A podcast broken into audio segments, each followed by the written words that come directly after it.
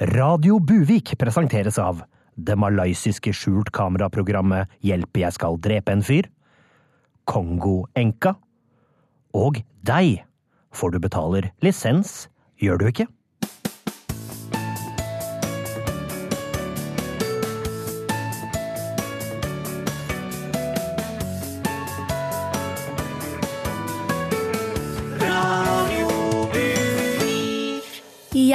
Velkommen skal du være til Radio Buvik, Norges beste lokalradio.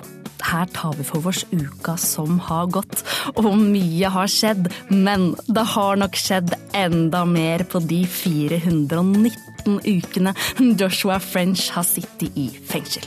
Men nå kommer han altså sannsynligvis snart hjem, og velkommen skal du være, Joshua. Nå blir det nok godt med noen kjøttkaker i brun saus, tenker jeg.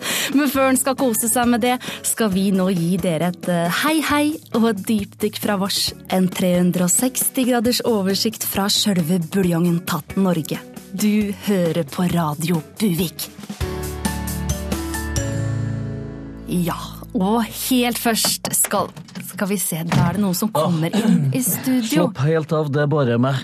Utenriksminister Børge Brende. Jøss, yes. for en ski! Ja, beklager at jeg buser inn på denne måten. Jeg hadde bare noe veldig viktig å melde. Du gjør ingenting. Du har jo vært innom her en del i det Ja. siste, Børge. Jo. Ja. Alltid like hyggelig. Mm, Men, eh, men nå må vi faktisk holde tunga rett i munnen. Vi vet ennå ikke hva kongloeserne sin endelige avgjørelse blir. Nei, ikke sant. Du tenker da på Joshua French-saken. Ja, det er jo det jeg ble invitert hit for å diskutere her på Dagsnytt 18. Børge, dette er jo ikke Dagsnytt 18, dette, er Radio Buvik. Herregud, da har jeg tatt feil. Vet du, det her har jeg ikke tid til. Nei, det kan jeg forstå. Det koker vel på kontorene hos dere i Utenriksdepartementet for tida. Ja, ja, nå er det faktisk sånn at gode råd er dyre. Ikke sant. Ja, det må jo kanskje skje noe for valget i Kongo i, i 2018. Jeg snakker ikke om eh, Joshua French eh, nå, den saken seiler sin egen sjø. Nei, jeg snakker om at Aylar Lie, som 23. februar måtte vente to timer på en flyplass i USA fordi hun ble rammet av USA sitt innreiseforbud. Altså, ærlig talt, Børge, sist gang du var her, så snakka du også om Aylar Lie. Er det ikke forferdelig at innreiseforbudet i USA også skal ramme en meget, meget, meget vakker norsk dame? For hun er norsk, født i Iran, men hun er norsk, det må vi aldri glemme. Og eh, jeg tror faktisk hun var på vei til Mexico, sikkert for å spille poker. Børge, altså. nå må jeg bryte inn, for hver gang du er her på, i Radio Buvik, så snakker du om Aylar Lie, og det går ikke. Unnskyld meg. Herregud. Vet du hvem andre som befinner seg i Mexico akkurat nå? Nei. Triana Iglesias. Aylar Lie var helt sikkert på vei for å møte Triana Iglesias under Paradise Hotel-innspilling. Det her er jo krise. Det er altså to meget, meget, meget vakre damer som er samla i ett land som skal mure sine Vent, eh, Unnskyld, jeg må dra umiddelbart. Ja, du får dra til Mexico, Ja, du, da. bra. Det er alltid hyggelig å være her i Dagsnytt 18, altså. Dette er ikke Dagsnytt 18. Børge Brende der, altså.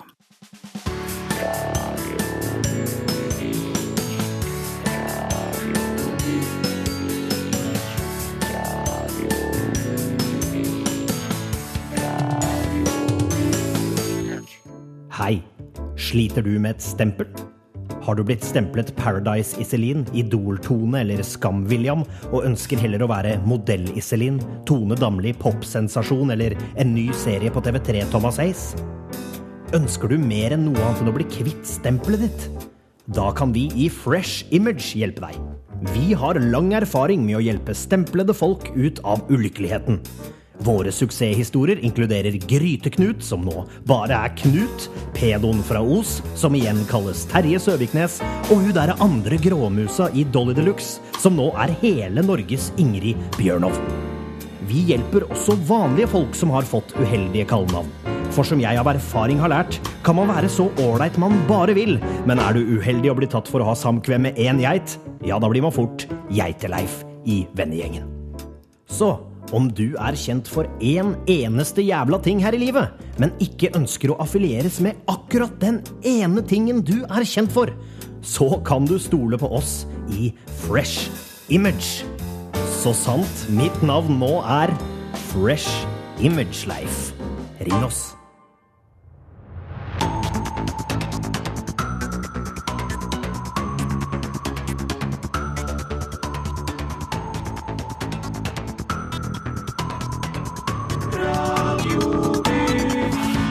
Hei og velkommen til Buvik-nytt. Her er ukas toppsaker. Små barn lager smarttelefonen din. Down syndrom-jakten er i gang, og Nord-Korea henretter som aldri før. Sky News avslørte denne uken at barnearbeid fortsatt blir benyttet i koboltgruvene i Kongo. Barn ned i fireårsalderen jobber med å utvinne materiale som brukes i bl.a. Apple sine smarttelefoner og laptoper. Apple beklager og sier i en kommentar at de er lei seg for alle disse som blir rammet av denne saken. Både barna og de uskyldige smarttelefonbrukerne i hele verden som kanskje får litt dårlig samvittighet. Og de legger til at nye iPhone 8 kommer til å ha et helt sjukt kamera. Bare gled dere. Regjeringen med Bent Høie i spissen tillater nå blodprøver som skal oppdage kromosonfeil til gravide over 38 år. KrF er sterkt kritisk til dette og mener det er en intensivert jakt på Downs syndrom og vil skape et kaldere samfunn.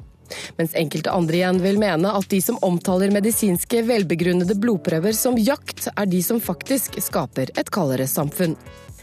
Jeg er pessimist. Jeg tror ikke vi kommer til å stanse global oppvarming, sier en av Norges mest erfarne klimaforskere, som av en eller annen grunn fortsetter å forske på klima. Antagelig fordi det er vrient å gi slipp på en gammel vane, kanskje særlig når den er lønnsom. Til slutt i dag, CNN melder at Nord-Korea har henrettet fem tjenestemenn med kanon.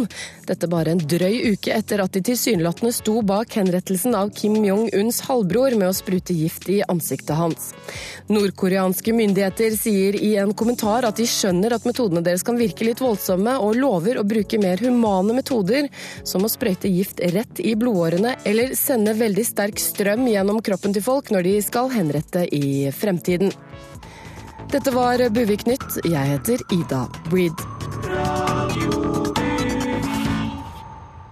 Da skal det handle om den mye omtalte talen som USAs president Donald Trump holdt for Kongressen natt til onsdag. Velkommen i studio, Trump-kommentator. Takk. Mange takk. Hei sann. Ja, tre stykker der, altså. Ja. ja. Men ikke la deg forvirre av det. Vi mener stort sett det samme. I all hovedsak gjør vi det. Ja, det må jeg si meg helt enig i. Ja, det, det var jo knytta store forventninger til denne talen. Blei de innfridd? Overhodet ikke. Talen var full av ord som finnes i virkeligheten. Og enkelte av dem ble hele setninger med subjekt, verbal og alt. Ja, Hvorav noen av dem var på over 140 tegn. Jeg må si jeg er veldig overraska. Ja, hva var det mest overraskende i Trumps tale? Det mest sjokkerende ved ukens tale var jo at Donald Trump holdt en tilnærmet normal tale. Vi kan nesten si at han fremsto som en ekte president. Som en jo strengt tatt er. er det mulig? Men fra spøk til alvor. Dette var en tale fullstendig blottet for eksplisitt kvinneforakt, trusler om umiddelbar atomkrig og sitater fra Mein Kampf. Foreløpig har det faktisk ikke lekket historier om at en eneste kvinne i Kongressen ble seksuelt antastet. Det var én som gråt, men det var på grunn av noe helt annet. Okay. Men hva var det viktigste budskapet Trump hadde til Kongressen? Det klart mest overraskende, må jeg si, var da han halvveis ut i talen ikke kom med konkrete drapstrusler mot andre statsledere. Men det gjorde også kraftig inntrykk at han faktisk ikke en eneste gang i løpet av talen fisket fram en levende smågnager, f.eks. et hamster som har gomlet frydefullt i seg i levende live med den ekle, slafsete gnagemomsesnuten sin. Du, det la faktisk også jeg merke til. Men det sterkeste øyeblikket var da han helt mot slutten unnlot å antaste et barn med de bitte, bitte, bitte små hendene sine. Ja, de er faktisk påfallende små, de. Og det håret! Rart det ikke har vært mer snakk om det håret. Ålreit, la oss nå holde oss til sjølve talen. Betyr dette at verden nå kanskje kan senke skuldrene sine bitte litt? Er det mulig? Nei, men for å prøve å være litt eh, seriøs her. Det som er virkelig skremmende med Trumps nesten eh, menneskeaktige tale natt til onsdag, er jo at det gjerne er like før skurken utsletter verden at han senker tempoet og snakker rolig. Som i James Bond, ikke sant.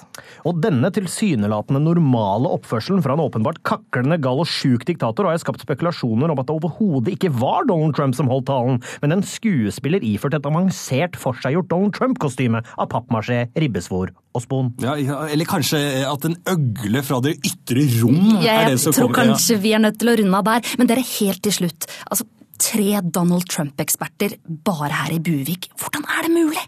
Det er mulig takket være Buvik folkeskole, som har opprettet et eget bachelorprogram i Trump-kommentering. Bachelor i, i Trump? Ja, men det tar bare en helg, det, altså. Eller du kan ta det på deltid. Som betyr å lese ingressen i dagens Aftenposten. Men er det virkelig behov for tre Drømmen er jo å jobbe i NRK. Ja, jeg tror kanskje de har nok der borte, for så vidt. Nok? Er det mulig? Ålreit, takk for at dere kom, alle tre.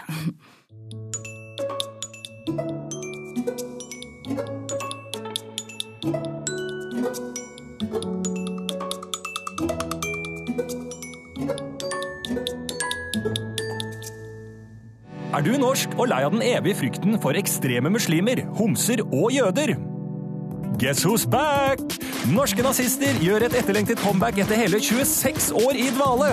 Og sitter du nå hjemme og tenker Herregud, det er sikkert ikke som før. Tenk om igjen, for vi er akkurat som vi var på 90-tallet, bare litt færre, men til gjengjeld mye mer organisert. Vi elsker fortsatt tog, uniformer og tatoveringer. Vi har snurpede lepper og senkede bryn. Vi sier ikke nei til en nevefight, og heller ikke nei til narkotika.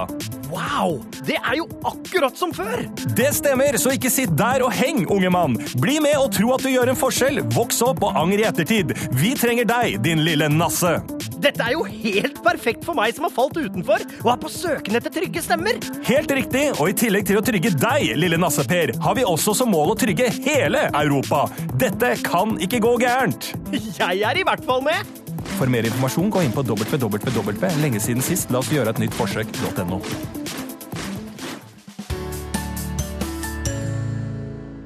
Vi kunne høre denne uka at én av ti familier i Norge lever under fattigdomsgrensa, og flere av disse familiene er innvandrere.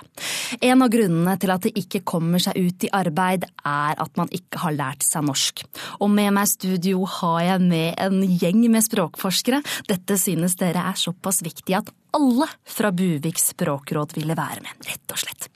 Og jeg kan jo begynne med deg, Sturla Klang. Hvor viktig er det at innvandrere lærer seg språket? Det er utrolig viktig at folk lærer seg norsk fortest mulig og kommer til Norge. Det må kreves at en kan ha felles språk på arbeidsplassen. Ikke sant. Så hva er den letteste måten å lære seg språket på, Klas Frenge? Ja, det lureste er vel å være sammen med andre nordmenn, så kan jeg lære språket. Man lærer så mye av å være sammen med andre nordmenn. Ja, så her, her må jeg også gi meg på. Så. Ja, ja, vær så god, Vemund Holte. Jo, takk skal du ha. Så det sies jo at vi jobber aktivt med å møte innvandrere for å snakke med dem, og at de har muligheten for å snakke med oss, og da må jeg si at jeg er skuffet over hvor lite de egentlig plukker opp, altså. Ok, Er du enig i dette, Solveig Pask? Ja, om den er enig, så skal det være mulig at den har opp noe annerledes uttrykk enn det har vært med til forhold til mølja. Oi, nå tror jeg du må ta det en gang til. Nei, så døtnes skal du ha meg forstått. Eh, Hun preker jo fint, hun. Det skjønner jeg jo godt, det. Altså, såpass må jeg forstå her, altså. Husk å trå programmet programlederen ble nett sånn neger på skrytrekker der! Du leia. Det, det, men det, nå, jeg skjønte dette alt. Og, med, med Altså, altså, altså, man går raking om ned for bøyen her hvis du skal opp. Ålreit, men da får vi håpe at våre nyankomne nordmenn lærer seg språket, sånn at de fortest mulig kan komme seg ut i arbeid. Ja, ja. Eh, viktig å skal salge ut på kleskluken der, vet du, på slutten.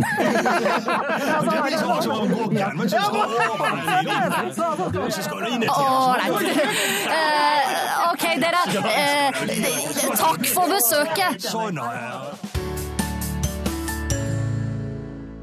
Nå er det tid for vår politisk ukorrekte kommentators blikk på nyhetsbildet her i Radio Buvik. Det er klart for drøy på kanten. Drøy på kanten. Drøy, drøy, drøy, drøy, drøy, drøy, drøy, drøy, på kanten. PK-forbud. Rett fra levra. Med meg, Roger Riba. Ding dong! På tide å trekke opp nisseluen og legge din pysete empati på hyll. Først de ryggradsløse emokratene i dette pottitlandet. Ja, du hørte riktig. Emokratene. De vil ha foreldelsesfrist på asylsaker. Ja, jøss! Bare lyg til oss når du kommer krafsen over grensen med gull i blikket. Her er statsborgerskapet ditt. Naivt pissmatch! Det er heldigvis ikke bare Listhaug som har skjønt at dette er bullshit. Arbeiderpartiet og Høyre er også imot foreldelsesfrist. Heldigvis. Latterlig. For som vi alle vet, det å lyge for å få trygge omgivelser for familien er mye verre enn brutale ran, vold eller menneskehandel, som naturlig nok har foreldelsesfrist. Sånn skal det være. So long, lykkejegere! De grønne kommunistene i Oslo, MDG-eliten, med Lan, aka Lenin, i spissen, fortsetter å tyne og stakkars bilkjørende hverdagshelter som elsker lukten av diesel om morgenen. Mm. Nå skal våre skattepenger brukes på sykkelstier i Oslo. Ja, du hørte riktig. Våre sure skattepenger på sykkel! Hva blir det neste? Linedanserstier på E6? Linedanserstier på E6? La han dra tilbake til der du kom fra, som er Kolbotn. Dra, dra dit! Det var ukens True Talk. Roger Riber out.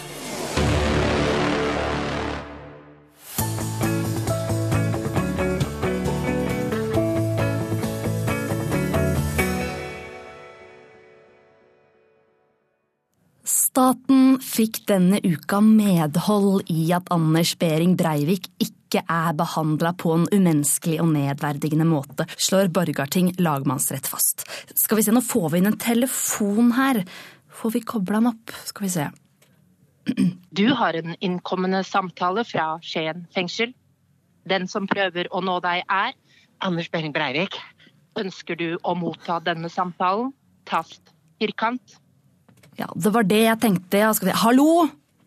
Hallo, det er Anders Behring Breivik, leder i den norske antikommunistiske motstandsbevegelsen. Ja. Og jeg har bare lyst til å si at alle barn er like mye verdt.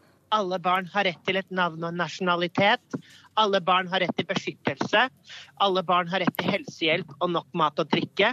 Alle barn har rett til å si sin mening og bli tatt på alvor. Alle barn har rett til å gå på skolen.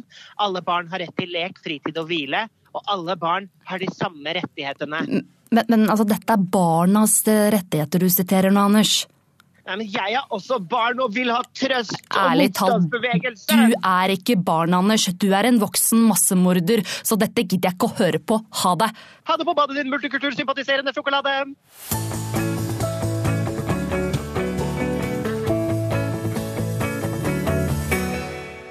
Hvordan skal vi ta vare på de eldre i framtida når så mange som en tredjedel av oss er pensjonister? Stadig flere foreslår bruk av moderne teknologi som apper, GPS og overvåkning for å passe på dem gamle. Vi har møtt en lokal Buvik-gründer som jobber med teknologi for eldre. Old People Tech is the future, ok? Så derfor startet jeg Gamling Solutions AS for å gjøre hverdagen til eldre tryggere. Gründer Anders Leirvik henter oss i sin helt nye elbil. Vi skal nemlig få bli med på testlaben til Gamling Solutions for å se teknologien til selskapet i bruk. Vi leverer mer enn bare en app. Dette er en måte å se gamles verden på. New ideas, old visions, som vi sier. Som du ser her på telefonen min, dette er en livestream av Olga, 82 år. Hvis du ser her, hun står på badet og pynter seg litt for oss nå. De, de er innmari søte, disse gamle. Kom, så går vi inn, og så hilser vi på henne. Anders ser ingen grunn til å være bekymret for den nye teknologien, som mange kritiserer for å invadere privatlivet til eldre. Dette huset her er faktisk det samme som ble brukt i Big Brother-programmet på TV. Så det er ferdig rigget slik vi ser for oss at eldres hjem bør og vil være i fremtiden. Så her nå står Olga og venter innenfor døra her, så hvis vi, hvis vi bare skulle se noe skikkelig Oi, oi, oi, oi. Ja, da skremte du meg. Det er bare litt tøys, Olga. Det tåler dere. Ja, ja da. Ja, det er bare det hjertet mitt som er sånn. Nei da. Nei, men- Olga viser oss inn i dagligstuen, mens de bevegelsesstyrte kameraene følger vår minste bevegelse. Anders er litt bekymret for Olga. Sånn, nå må dere ta litt kake her. Vær så god. Eh, er, du, er du sikker på at du skal ha det der, eh, Olga? Du har litt høyt blodtrykk nå, ser jeg. Altså, jeg tror jeg legger inn en uh, liten varsel her på søtsaker. Skal vi se. Sånn. Ja, men jeg kan da unne meg en liten bit, kan jeg ikke det? Bare en liten Ja, ikke sant, Olga? Nå hører du Nå hører du der. Hør på alarmen. Jeg tror det er best at du bare legger fra deg det kakestykket nå. Vi vil jo bare ha det beste for deg, så vi vil bare at det skal være bra for deg, Olga. Ja, ja, ja, ja. ja. Men hvordan går det egentlig med den treige magen din, Olga? Jeg ser på appen her at det blei en halvtime på ramma i dag. Ja, den Selv om Olga noen ganger kan føle seg litt overvåket, så syns hun det er verdt det for å føle seg trygg. Ja, men også er det jo praktisk for barna mine. Det er jo ikke så greit for dem å komme på besøk alltid, så nå kan de følge med meg på via denne appen. Ja, så når, når jeg vet at de ser på meg innimellom, så er det nesten som om de er her. Og da hilser jeg gjerne på dem i kamera. Skal vi se Hallo, Preben! Pre, Preben! Håper du har en fin dag. Uh, Olga, nå ser jeg her at eh, Preben han ser ikke på. altså Barna dine har ikke vært innlogget uh, i hele dag. De har faktisk ikke vært innlogga på en uh, stund. Nei, det er, nok, det er nok mye for dem om dagen, med fritid og jobb og trening og alt. Men jeg, jeg kan jo late som om de ser på, da. Det er jo fint, det. Se her, mer kake. Jeg, jeg, jeg tror i hvert fall jeg skal ta meg en liten bit. Olaug Bollestad, helsepolitisk talsperson for KrF, mener det er problematisk at staten skal tilrettelegge for eggdonasjon, fordi hvert barn er unikt og har en egenverdi. Også her i Buvik har KrF havna i debatt. Og denne uka skal det mye omtalte pastaforslaget opp til behandling i Buvik kommunestyre. Og det er dere i Buvik Kristelig Folkeparti som har fremma forslaget. Og kan du bare kjapt gjenta hva dette såkalte pastaforbudet dreier seg om, Randi Randei? Ja, altså For det første så må jeg si at jeg reagerer sterkt på at du kaller det pastaforbudet. For vårt forslag dreier seg jo på ingen måte om noe forbud. Det handler bare om å sette fokus på å slå fast noe samlende og robuste retningslinjer, sånn rent pastamessig. Ja, og det går også ut på at pastaen skal serveres med ketsjup og ingenting annet. Vi oppfatter helt klart, etter å ha hatt mange runder internt og lyttet til gode råd, at det er en bred enighet om at ketsjup er det normale, og vi tenker at det kan være fruktbart i et hektisk samfunn i stadig forandring å ha noen felles kjøreregler, sånn helt, helt rent pastamessig. Ja, så, så dere vil altså forby å tilberede og servere og nyte spagetti med noe annet på enn ketsjup? Det står ingenting i vårt forslag om spagetti, og her er det litt viktig at vi rydder i begrepene, for du har jo også makaroni, og, og sånne skruer, du vet, de som ser ut som en liten vindeltrapp for insekter. Bare sånn rent pastamessig. Og så har du ikke minst de som riktignok er lange, som spagetti, som du nevner da, men betydelig bredere, og samtidig med en litt sånn flatere Ja, beskaffenhet. tagliatelle. Ja, bare hyggelig. Og vi i KrF har selvfølgelig stor respekt for mangfold og de mange ulike synene som finnes der ute, sånn rent pastamessig. Men vi har likevel kommet til at det er, og kanskje særlig når det gjelder en så pastarelatert sak som pasta tross alt er, at det kan være en felles verdi. Altså, Men, men, men det skal altså være ketsjup og ingenting annet? Ja, ja, ikke sant. Ikke noe annet. Ja, men holder ikke det, da? Og for oss er dette først og fremst et spørsmål om barnets beste. Ikke sant? Og det skal du få, få utdype. Men først så skal vi få høre at det finnes dem som frykter at livet aldri skal bli det samme igjen med det nye pastaregimet.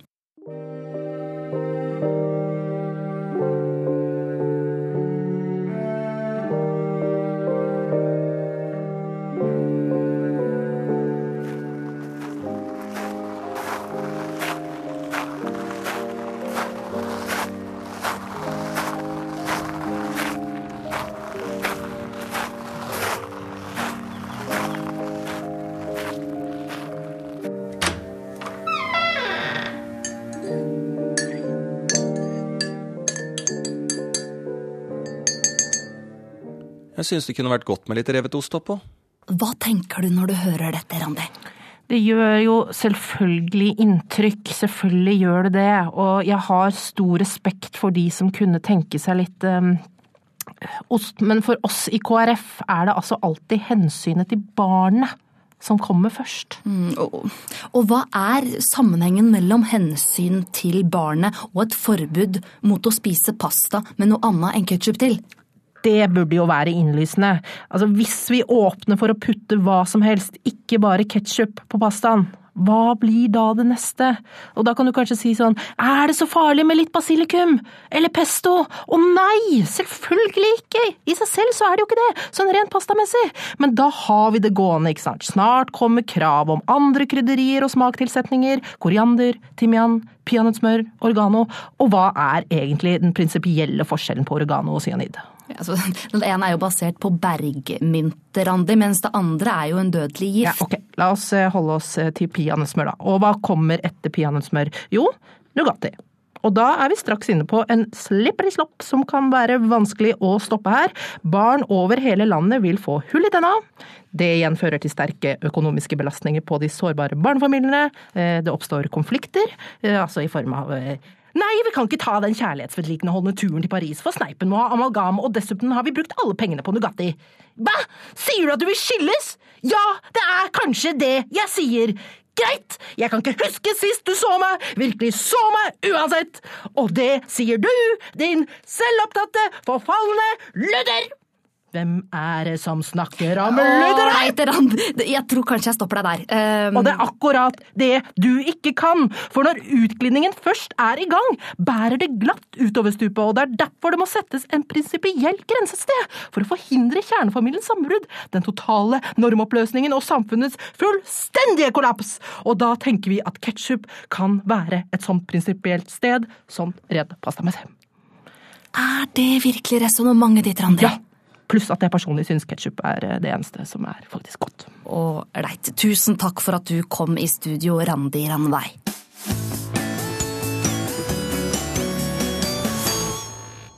Denne uka kunne vi høre at den Joshua French har blitt benåda, og at den etter hvert nå vil bli en fri mann og sendt hjem igjen til Norge.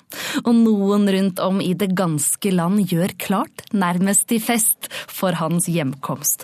Og en av dem, det er deg, Frank Bott-Olfsen, som rett og slett har tatt patent på Joshua French-effekter, og er klar med dem nå når French vender nesa hjemover. Ja, det er eh, riktig. Og her er det bare å ta for seg. Kjøpe, kjøpe, kjøpe. Få med seg det du syns er det viktigste å ha på seg. Få med deg når han der fyren kommer hjem for å feire det. Dette er jo helt fantastisk! Og det er duket for folkefest. Apropos duk, her har du en damaskduk med bilde av French og masse norske flagg som du kan rulle ut av vet du, utover bordet den dagen du tenker å ha en sånn stor Joshua French hjemkomstfest. Ikke sant. Og hva slags produkter er det egentlig snakk om? Nei, hva er det jeg ikke har kommet med? Her har, du, her har du ting til folk i alle aldre og for alle interesser. Til fest, hverdag, hverdagsfest, skal poden i barnehagen eller på skolen, og du tidligere har hatt dårlig tid å benytte av den klassiske olapakka. Frykt ikke, her kommer French-pakka. En egen fiffig lunsjboks med flere celler, både til frukt, grønt, brødskiver og druer. Ja, men du, men du, Frank, tror du virkelig at det vil være så stor interesse for dette? Spør ikke hva folk kan gjøre for deg, men hva du kan gjøre for folket, ikke sant? En del har sikkert tenkt at de ikke skal feste når denne fyren kommer hjem, men nå lager jeg dette tilbudet for folk, og hvem kan stå imot da? Nei, men jøss! Har du sett da, gitt? Et eget Joshua French cruise! Nyt morgenkaffen samtidig som feirer en nordmanns hjemkomst. Det er mulig! Ikke sant? Dette er jo også stort sett festeffekter du har laga, ikke sant? Å nei, nei, nei, her tenker vi større enn som så. På sida Joshua homecomingpartyeffects.no kan du bestille egen French-tapett, panel, parkett om det er det du vil. Vi har French-hatter, frakker, bord, stoler, lysekroner, rammer, pennyboards, penner, lommelykter, pannebånd, elbiler og drikkeflasker. Her er det bare å velge fra øverste hylle, eller som man ville sagt på engelsk, choose from the top French. Det er jo egentlig skjelv, selvfølgelig, men du tok den ordspillmessig. Jeg tok den, eh, Frank. Men du, ærlig talt, tror du noen der ute egentlig ønsker å eie Joshua French-effekter? Tro! Det kan du gjøre i kjerka, kjøpe kan du gjøre på mine nettsider. Klart folk vil ha dette, hvem vil vel ikke feire hjemkomsten av en nesten tapt nordmann med brask og bram? Og apropos bram, se på denne bremmen, ekte solbrem med Joshua French har bilde på både selve bremmen, strikken bak, genial å spille golf med, eller bare ha på seg på en solskinnsdag, beskytte godt mot sola denne, hæ? Hæ? Skulle nesten sendt et eksemplar ned til stakkaren, vet du, så slapp å bli solbrent, sterk sol i Afrika, vet du. Ja, det, det stemmer det, men, men, men ærlig talt, er ikke dette litt upassende, Frank? Nei, ingenting er upassende her. De fleste klesplaggene er one size fits all, så her er det ingen unnskyldninger. Løp og kjøp, men løp litt raskere enn det French gjorde. Nå, ellers så blir du burøyda nå, sinna kongolesiske. Ikke sant. Vi får bare håpe at du får solgt noe av dette, da. Ja, men Hva om du gjør et lite kjøp allerede nå? Denne Joshua-mikrofonen, for eksempel. Eller hva med disse flotte French-øredobbene? Den flotte damen, oi, oi, oi. Ellers takk. Ja, ja, ja, eller hva med denne Joshua French mobile ladestasjonen? Den er grei å ha, den, spesielt hvis du blir bura inne i Afrika i en, i en celle uten strøm! Det er jo så praktisk, vet du! Ja, du får eh, sagt det, du. Eh, takk for at du kom i studio, Frank Botolfsen.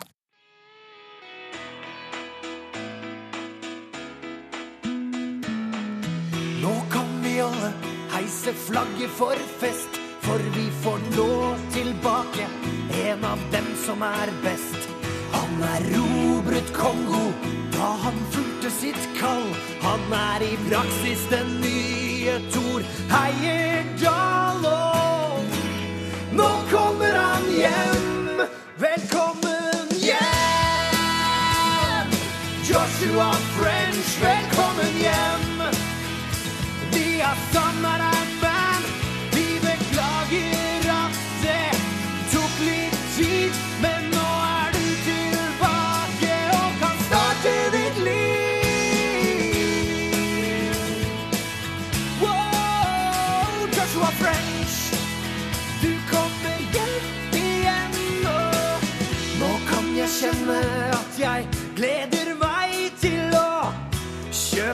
boka og se filmen om deg. Og på Lindmo og Skavlan blir det ekte og sart. Og får vi se deg på fire stjerner middag snart. Velkommen hjem! Joshua French, velkommen hjem! Vi har savna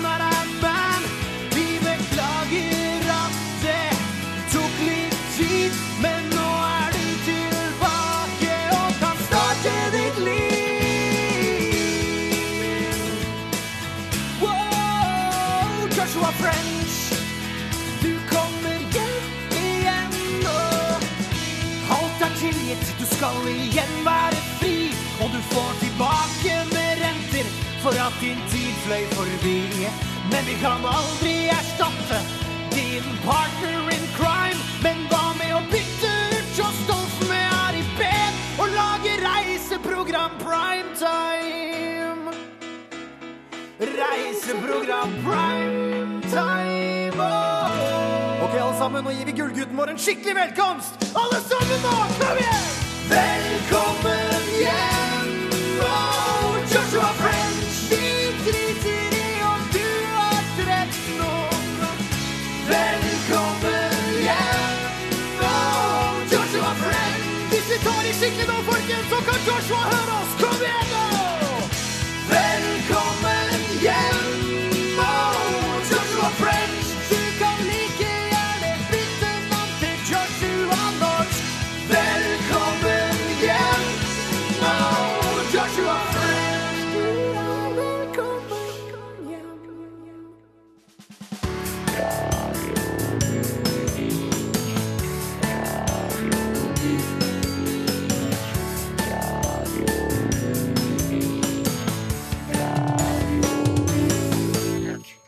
NRK har som rolle å skape debatt og være kontroversielle.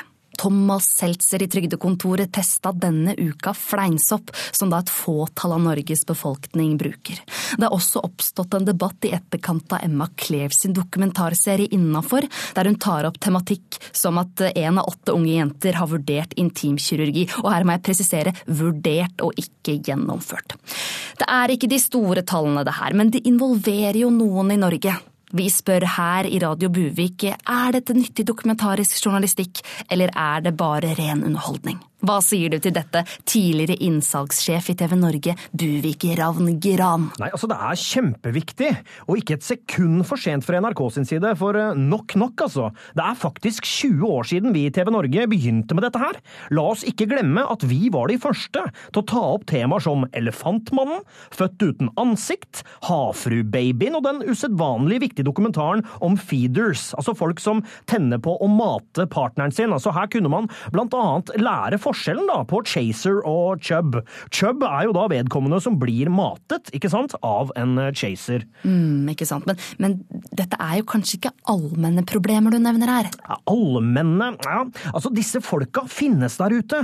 Tenk så viktig det var for dem som tenner seksuelt på amputerte mennesker, å kunne se en dokumentar og skjønne ja, det finnes en fyr til i en blokk i utkanten av Liverpool. Og tenk de tre mennene i Norge som har mikropenis. Deilig for dem å vite at ja, det finnes en til i Manchester som har dette! Dette er viktige deler av samfunnet vårt. Så du mener NRK burde rett og slett gjøre mer som dere gjorde i TV Norge? Ja, de er på god vei, men hvis de først skal åpne den døren, hva med å snakke om de som er født med åtte kjønnslepper? Hva med de pedofile dvergene? Eller som vi var så modige å ta opp i 1998, født med rumpehull på brystvortene? Og, og dette mener du kan hjelpe folk? Ja, ja, selvfølgelig. Jeg glemmer aldri det takkebrevet jeg fikk av den blinde transseksuelle kvinnen som ejakulerte hver gang hun så sjiraffer. Så vi må fortelle disse historiene! Nå tok hun livet sitt noen år senere, men det kunne vært forhindret om hun hadde fått med seg dokumentaren om suicidale, nekrofile albinoer. Ja, og den dokumentaren var utrolig viktig for den nekrofile, suicidale albinoen å se i ettertid. Men, men er dette noe du mener NRK kan sende? Ja, for blir det sendt på NRK, da tar folk det på alvor. Og det må NRK vite å bruke, altså. For når skal vi begynne å snakke om de som blir født uten hode? Det er vel ikke så veldig mange som Jo, et sted i India har det faktisk skjedd! Jo, jo da, de er jo mennesker, de òg. nei, ja, jo, men akkurat i dette tilfellet så var det en pungrotte, men du skjønner jo så godt hva jeg mener! Nei, men til slutt, da mener du at disse dokumentarene er viktige for samfunnsdebatten? Ja, det er viktig. Det, det høres ut som du tviler, Ravn. Jeg spør igjen. Er disse dokumentarene viktige for samfunnsdebatten? Det er gæren. Det er jo bare noe så inn i helvete moro. Folk er jo spik klin fuckings kokos. Ja. Ravn, ærlig talt. Suicidale nekrofile alpinoer. Disse folka finnes! Ok. Eh, da er vi nødt til å runde av. Eh, Ravn. Takk for at du kom i studio, Ravn Gran. Takk for at vi kom hjemmefra.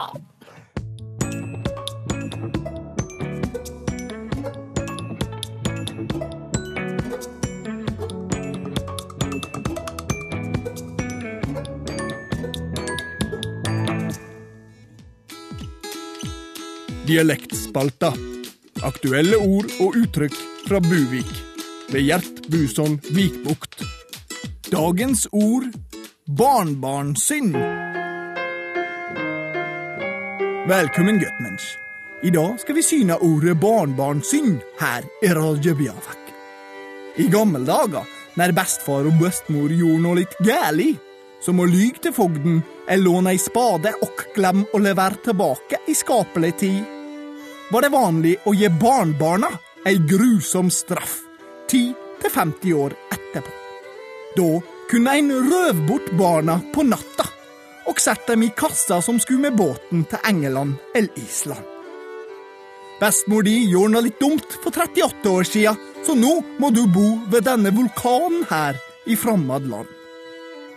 I moderne tid blir også barnebarnsynd brukt mot norske unger som har besteforeldre som laug om hvor den kom fra for lenge siden. Og de norske ungene må flytte til fremmed land som straff. Da veit dykk vi ordet barnbarnsynd tyr. Føl vi kjenda stasleg, Götmensch.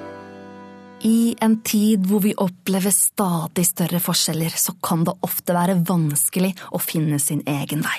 Vår reporter Renate har møtt en ung mann som hele livet har vært på leting etter en tydelig retning i livet.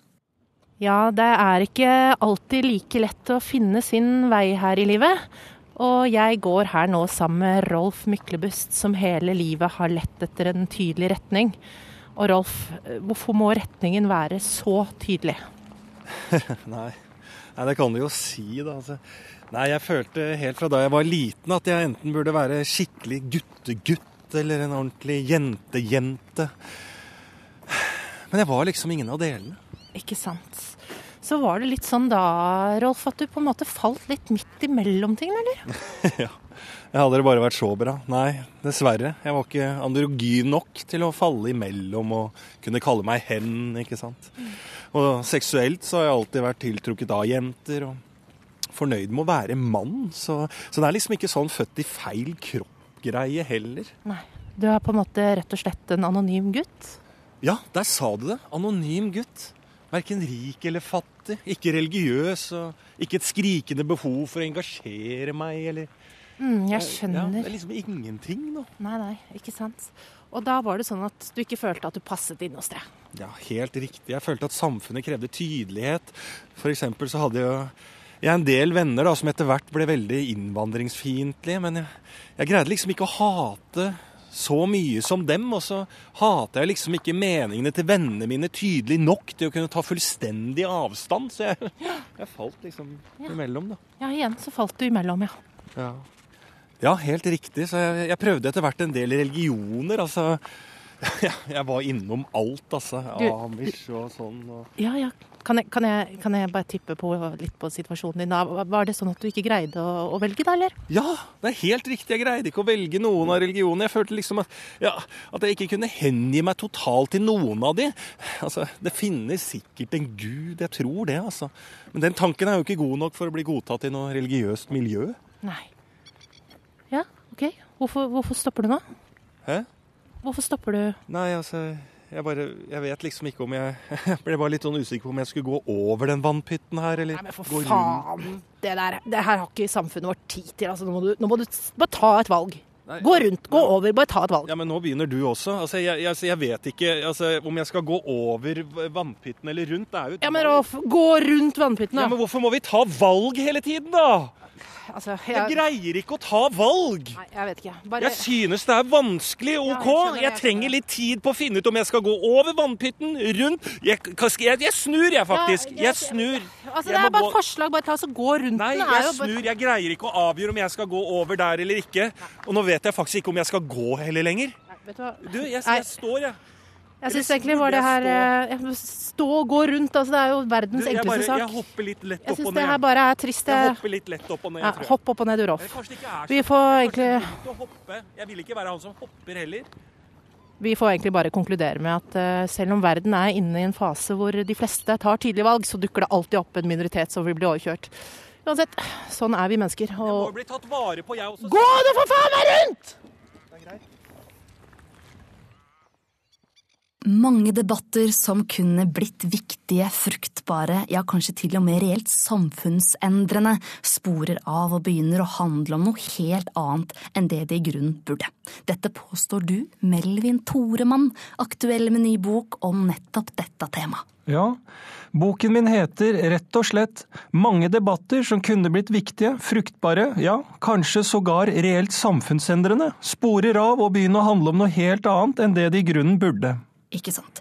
Men du, Melvin, før vi kommer inn på sjølve boken din eh, og dine mange fruktbare løsningsforslag, så må jeg bare kort kommentere den hatten du har valgt å ta på deg i studio i dag. Hatten? Ja, den du har på hodet der. Å oh, oh, ja, ja, ja, den ja, ja. Ja, det er jo en litt spesiell hatt, så bare sånn at den ikke skal ta fokus bort fra sjølve debatten, eh, så må vi nesten si litt om den hatten. Eh, For den er altså laget av Er det filt? Filt? Nei, nei, overhodet ikke filt, altså. Ok, bomull, kanskje? Nei, det er faktisk en eh, viskosehatt. Det er en viskosehatt, ja, ikke sant? Og hva innebærer det, Melvin? Nei, viskose er et tekstilfiber av cellulose, og det har riktignok mange egenskaper til felles med bomull, som også er et rent cellulosefiber, men, og dette er litt viktig, viskosefiber tar opp mer fuktighet fra omgivelsene. Det kreves derfor større mengder energi for å tørke viskose enn da bomull. Ikke sant? Og i praksis eh, så betyr det Viskosefiberen er svakere når den er våt enn når den er tørr, eh, mens bomull eh, er det da omvendt. Ja, det er jo et paradoks. Nei, ikke egentlig, det er en forskjell. Ok, Hva er egentlig forskjellen på forskjell og, og et paradoks? En forskjell er jo bare to forskjellige ting, mens et paradoks innebærer en diskrepans mellom hva en teori sier og hva sunn fornuft, kall det presumpsjon, skulle tilsi. Det er altså en selvmotsigelse som likevel rommer en sannhet.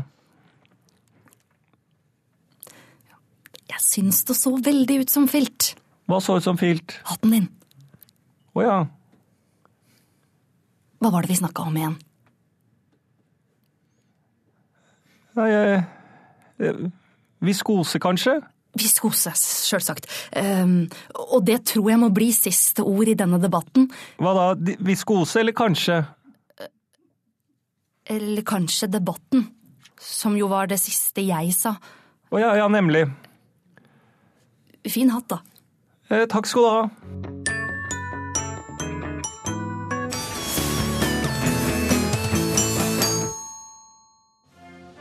Hei! Kunne du tenke deg å få folk med på ganske drøye ideer?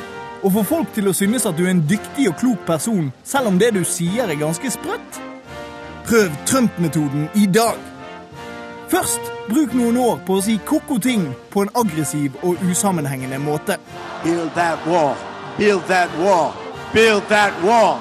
Build that wall. Build that wall. Men så, når folk minst venter det, så snakker du lavere og tilsynelatende sammenhengende. men sier nøyaktig det samme. For that reason, we will soon begin the construction of a great, great wall along our southern border.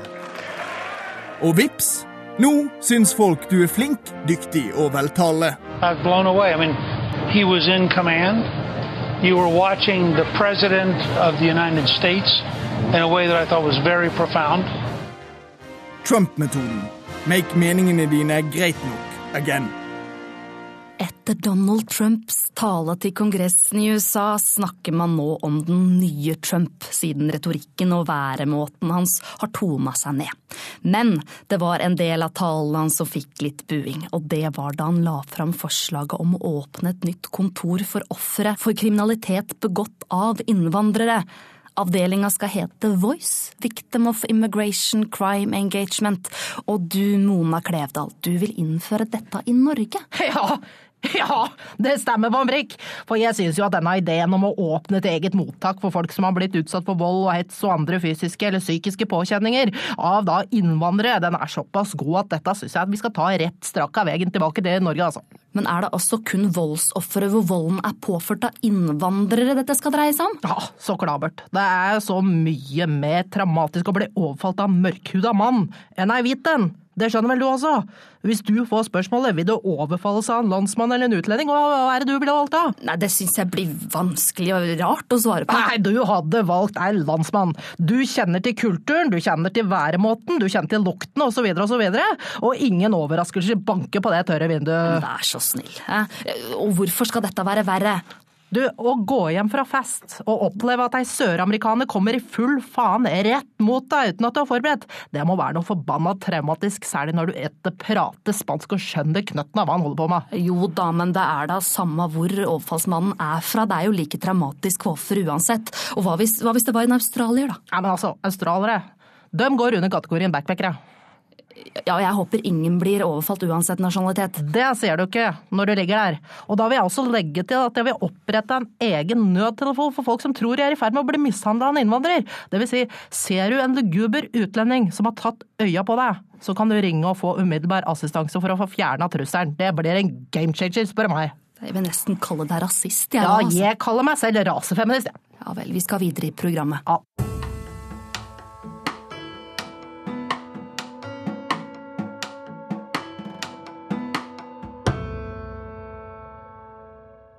På tirsdag denne uka tok Marit Bjørgen et overlegent gull på tikilometeren. Men det var ikke det eneste fantastiske som skjedde denne tirsdagen.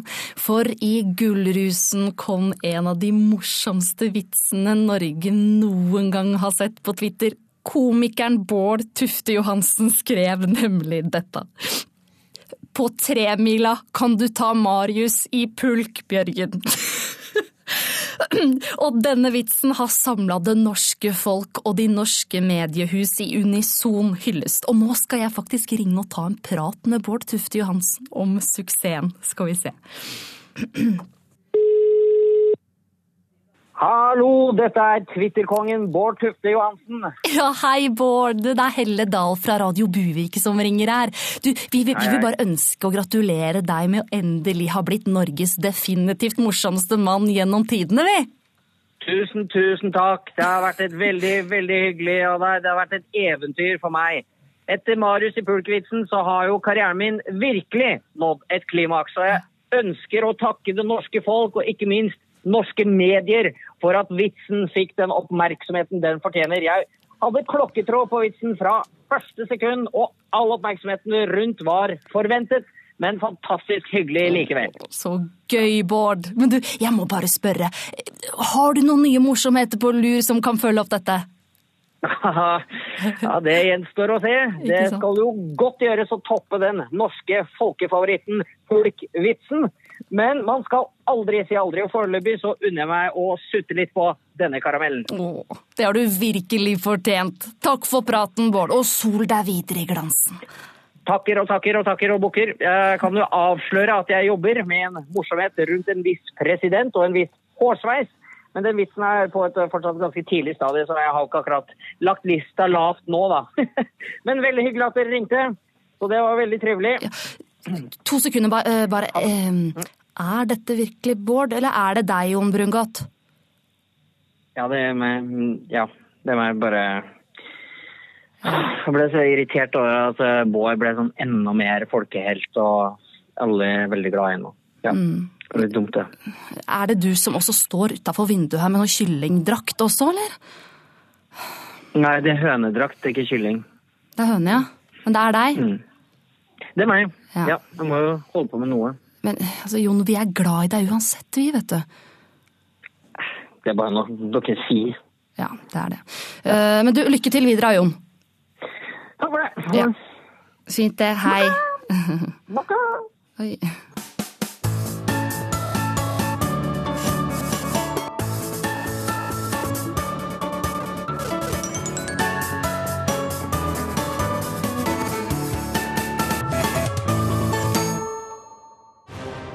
De flyr som urnorske ørner. For oss, for fedrelandet. De går i kamp med flagget på brystet. For oss, for fedrelandet. Blod, svette og tårer. Rødt, hvitt og blått. For oss, for fedrelandet. Og når ørnen har landet og dommen faller, da jubler vi stolt. Sammen. For oss, for fedrelandet. Han er gladiator nede på sletta! Anders Fannemel! Vi er stolt sponsor av hopplandslaget. Nammo. Norske våpen er snille våpen.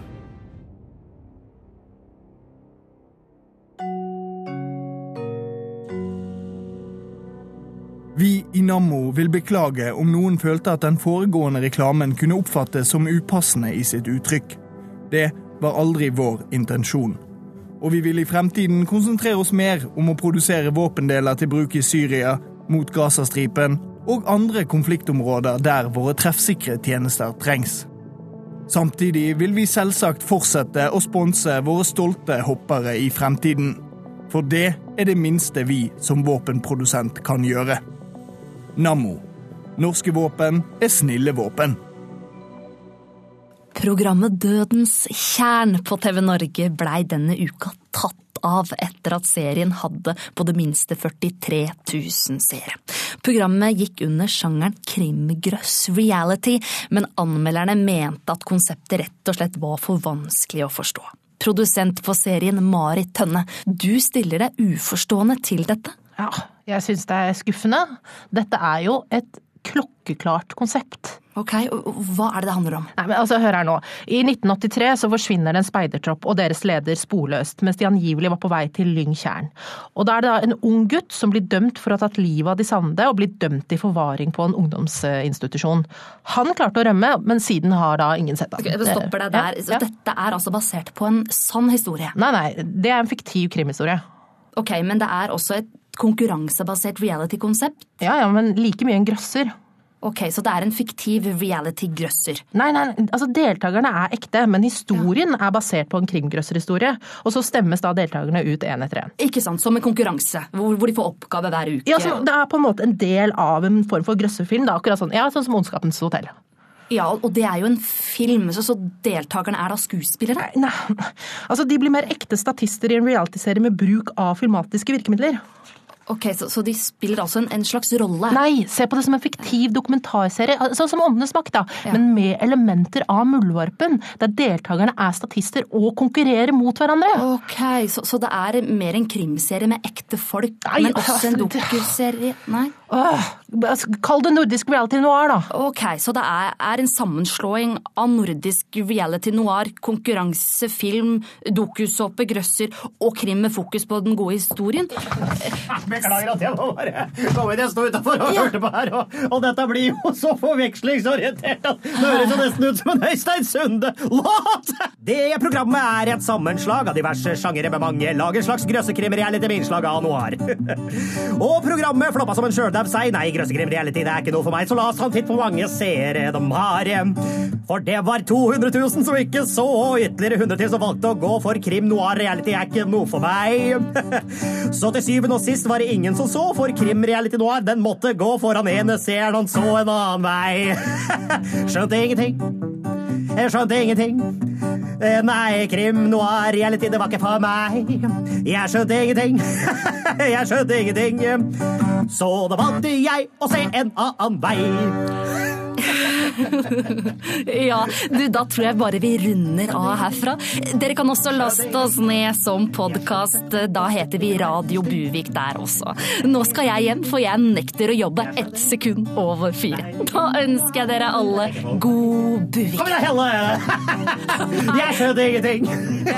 Nei, krim, noir, reality, det er ikke noe for meg. Skjønner ingenting, altså. Skjønner ingenting. Skjønner ingenting. Nei, krim, noir, hele det er ikke for meg. Du trenger ikke å sitte der og se sur ut, du produsent av TV-programmet. Dette er en låt alle kan være med på. Ja, kaldt? to og en, to. Skjønte ingenting. Skjønte ingenting. Det var rett og slett et skikkelig ræva program. Skjønte ingenting. Skjønte ingenting. Skjønte ingenting. Ja, skjønte ingenting. Nei, krim, noir, reality, det var døfe til å begynne med. Hei! Jeg går og vasker igjen, jeg. Gjør det. Produsert av Rubicon Radio.